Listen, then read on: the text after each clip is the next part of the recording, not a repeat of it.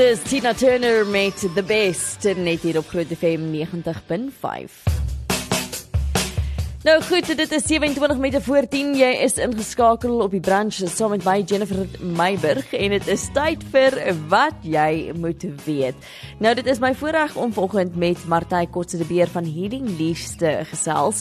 Nie net oor trauma en hoe jy mense kan help met trauma nie, maar ook dit is binnekort, jy weet die regering se 16 dae van aktivisme teen die geweld van vrouens en kinders wat die 25ste November begin. So regtig die perfekte dag om met haar te gesels. Goeiemôre Martie. Goeiemôre Jennifer en môre vir die luisteraars. Martie, kom ons begin by wie is Healing Leaves? So, ons is 'n nuwe winsgewende organisasie wat fokus op gemeenskapontwikkeling. Um my ouers Andre en Dini Kotse het eintlik al in 1997 Healing Leaves gestig sure. en hulle het regtig nog altyd 'n passie gehad om mense wat minder bevoordeel is en veral kinders te help. So op die oomblik baie van die gemeenskapwerk wat ons doen is in die klein dorpie van Cornelia in die Vrystaat hmm. waar ons ook 'n familiebesigheid het, maar ons het in die laaste paar jaar begin uitbrei om in ander provinsies ook te werk. Jy noem julle help baie keer kinders wat getraumatiseer is. Wat tipe trauma praat ons van? Ons praat regtig van alle tipe trauma.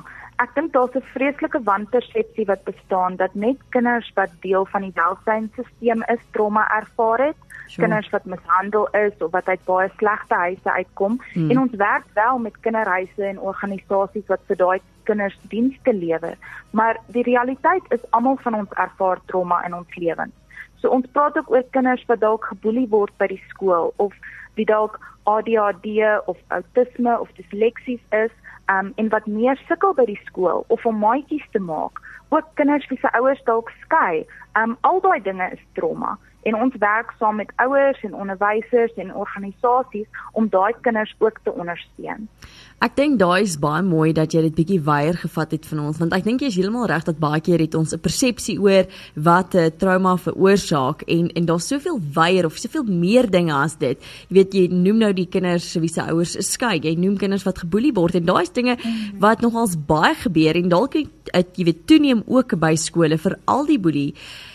Is dit en ek dink dis nou my volgende vraag want dit is baie keer 'n wanpersepsie dat net kinders in sekere gebiede gaan deur trauma. Is dit kinders van alle ouderdomme, alle areas? Ja, verseker. Ehm um, dit is soos jy sê nog 'n wanpersepsie dat dit net kinders is wat sien maar in arm of slegte areas bly. Hmm. Ehm mm. um, en dit is net nie die realiteit nie. Ehm um, kinders van enige ouderdom kan trauma ervaar en ook kinders uit enige area uit die kind wat in 'n plakkerskamp groot word gaan dalk ander tipe traumas ervaar as 'n kind wat in 'n meer middelklas area groot word. Mm. Maar albei is net so um oop om trauma te kan ervaar. Skets dit vir ons die realiteit. Met hoeveel kinders kry julle te doen, kom ons sê op 'n weeklikse basis? Hoe baie kinders gaan regtig deur hierdie trauma? So, ek wil net verduidelik, ons werk wat ons doen met die trauma mm. is meer gefokus op die volwassenes ja. wat in daai kinders se lewens is op te lei. So Goed. maatskaplike werkers, onderwysers, gemeenskapswerkers en dan ook ouers en ander familielede ja. um, om hulle te help om hierdie kinders te ondersteun. En so ons doen dit juis want daai groot mense kan mm. soveel meer kinders dan bereik as wat ek op my eie ooit sou kon doen. Maar die probleem is baie groot. Um ons statistieke wys dat ons kinders deur verskriklik baie trauma gaan in Suid-Afrika. Wat is die uitwerking van iemand wat wel deur trauma gegaan het? So elke persoon verwerk trauma op hulle eie manier en so die tekens en jy weet die effek wat dit op hulle gaan hê is ook anders. Ja. As ons spesifiek na 'n kind kyk, um as hulle nie ondersteuning kry om daai trauma te kan verwerk nie, kan dit regtig lewenslange uitwerkings op hulle hê omdat die kinders se breins nog ontwikkel, kan trauma die manier wat hulle brein en ook hulle lyfie ontwikkel heeltemal verander. En so ons gaan sien dat die kinders dalk meer akademies by die skool gaan sukkel, hulle gaan sukkel om gesonde en goeie verhoudinge te vorm en hulle kan meer geneig wees tot alkohol en dwelmmisbruik en ook geestesgesondheidsprobleme as hulle begin ouer word. Vertel ons van julle helpeprogram. So ons helpprogram is daarop gemik om volwassenes wat vir kinders sorg of met hulle werk te ondersteun sodat hulle of nadat hulle trauma ervaar het.